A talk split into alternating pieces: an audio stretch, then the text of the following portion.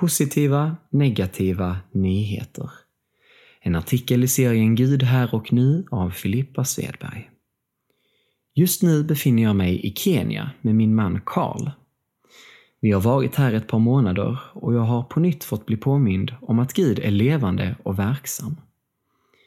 Innan vi kom iväg skulle vi göra ett PCR-test för att ens få komma in i landet.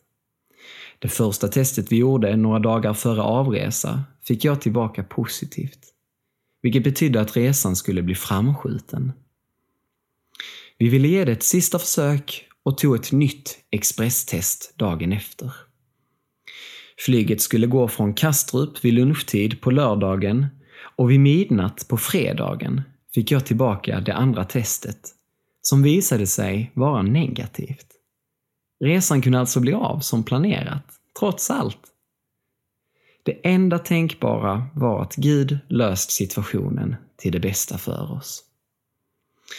Här i Kenya sätter människor Gud högst genom att be och tro att han är den som kan ändra en svår situation till något positivt.